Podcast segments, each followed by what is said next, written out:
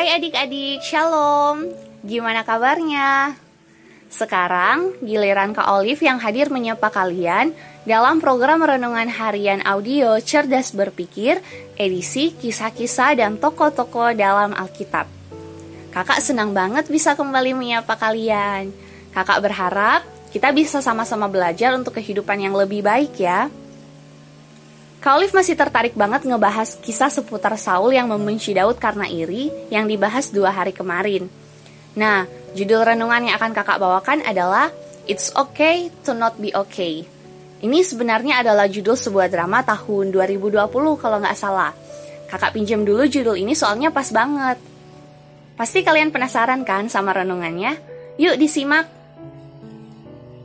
Kalau diterjemahkan secara bebas ke dalam bahasa Indonesia, It's okay to not be okay itu artinya nggak apa-apa kok kalau nggak oke okay, atau nggak apa-apa kok kalau nggak baik-baik aja. Apa hubungannya ya sama renungan kita? Nih Kak Olive jelasin. Kalian masih ingat kan pembahasan tentang Saul yang jadinya malah benci karena iri sama Daud setelah beberapa perempuan memuji bahwa Saul mengalahkan beribu-ribu musuh, tapi Daud berlaksa-laksa musuh. Saul jadi iri dan akhirnya membenci Daud. 1 Samuel 18 ayat 8 sampai 9 mengisahkan gini.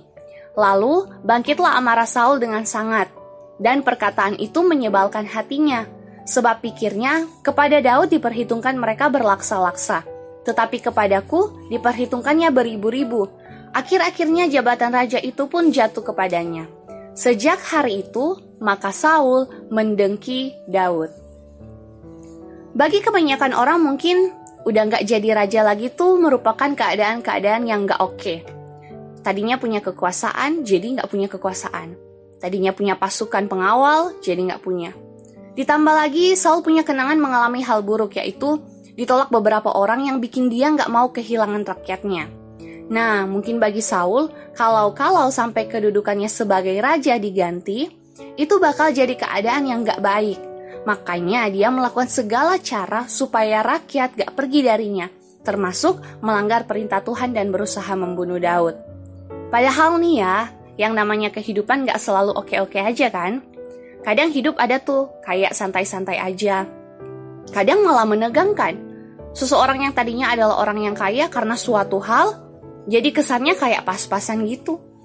Apalagi kalau ukuran oke-nya itu dilihat dari pandangan orang lain ke kita kayak penampilan yang modis, dinilai punya barang branded atau bermerek, dipandang kaya dan terhormat, dipandang cantik atau ganteng, dan lain sebagainya. Makanya ada orang yang sampai rela melakukan apa pun hanya demi terlihat oke oleh orang lain. Adik-adik, dalam situasi yang gak baik-baik aja memang kadang bisa bikin kita repot, sedih, khawatir, dan lain sebagainya. Olive paham kok. Tapi, it's okay to not be okay.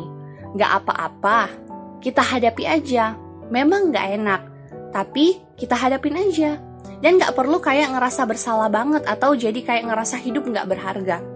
Olive gak bilang bahwa kita harus nyaman dengan, ketidakokean loh ya.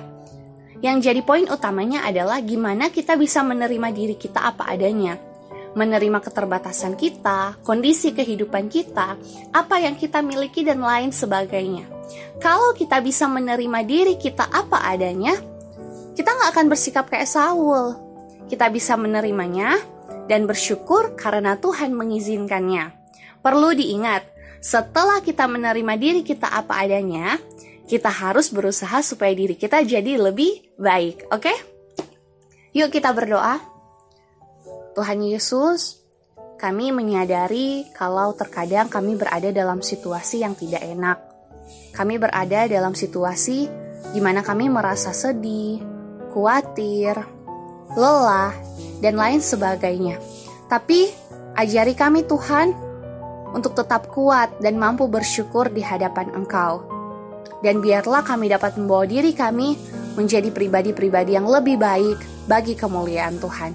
Terima kasih untuk firman-Mu menguatkan setiap kami. Di dalam nama Tuhan Yesus kami berdoa. Amin. Oke, Kak Olive undur diri dulu ya. Tetap sehat, tetap semangat, dan tetap jadi berkat. Jangan lupa bahagia, Tuhan Yesus memberkati. Dadah.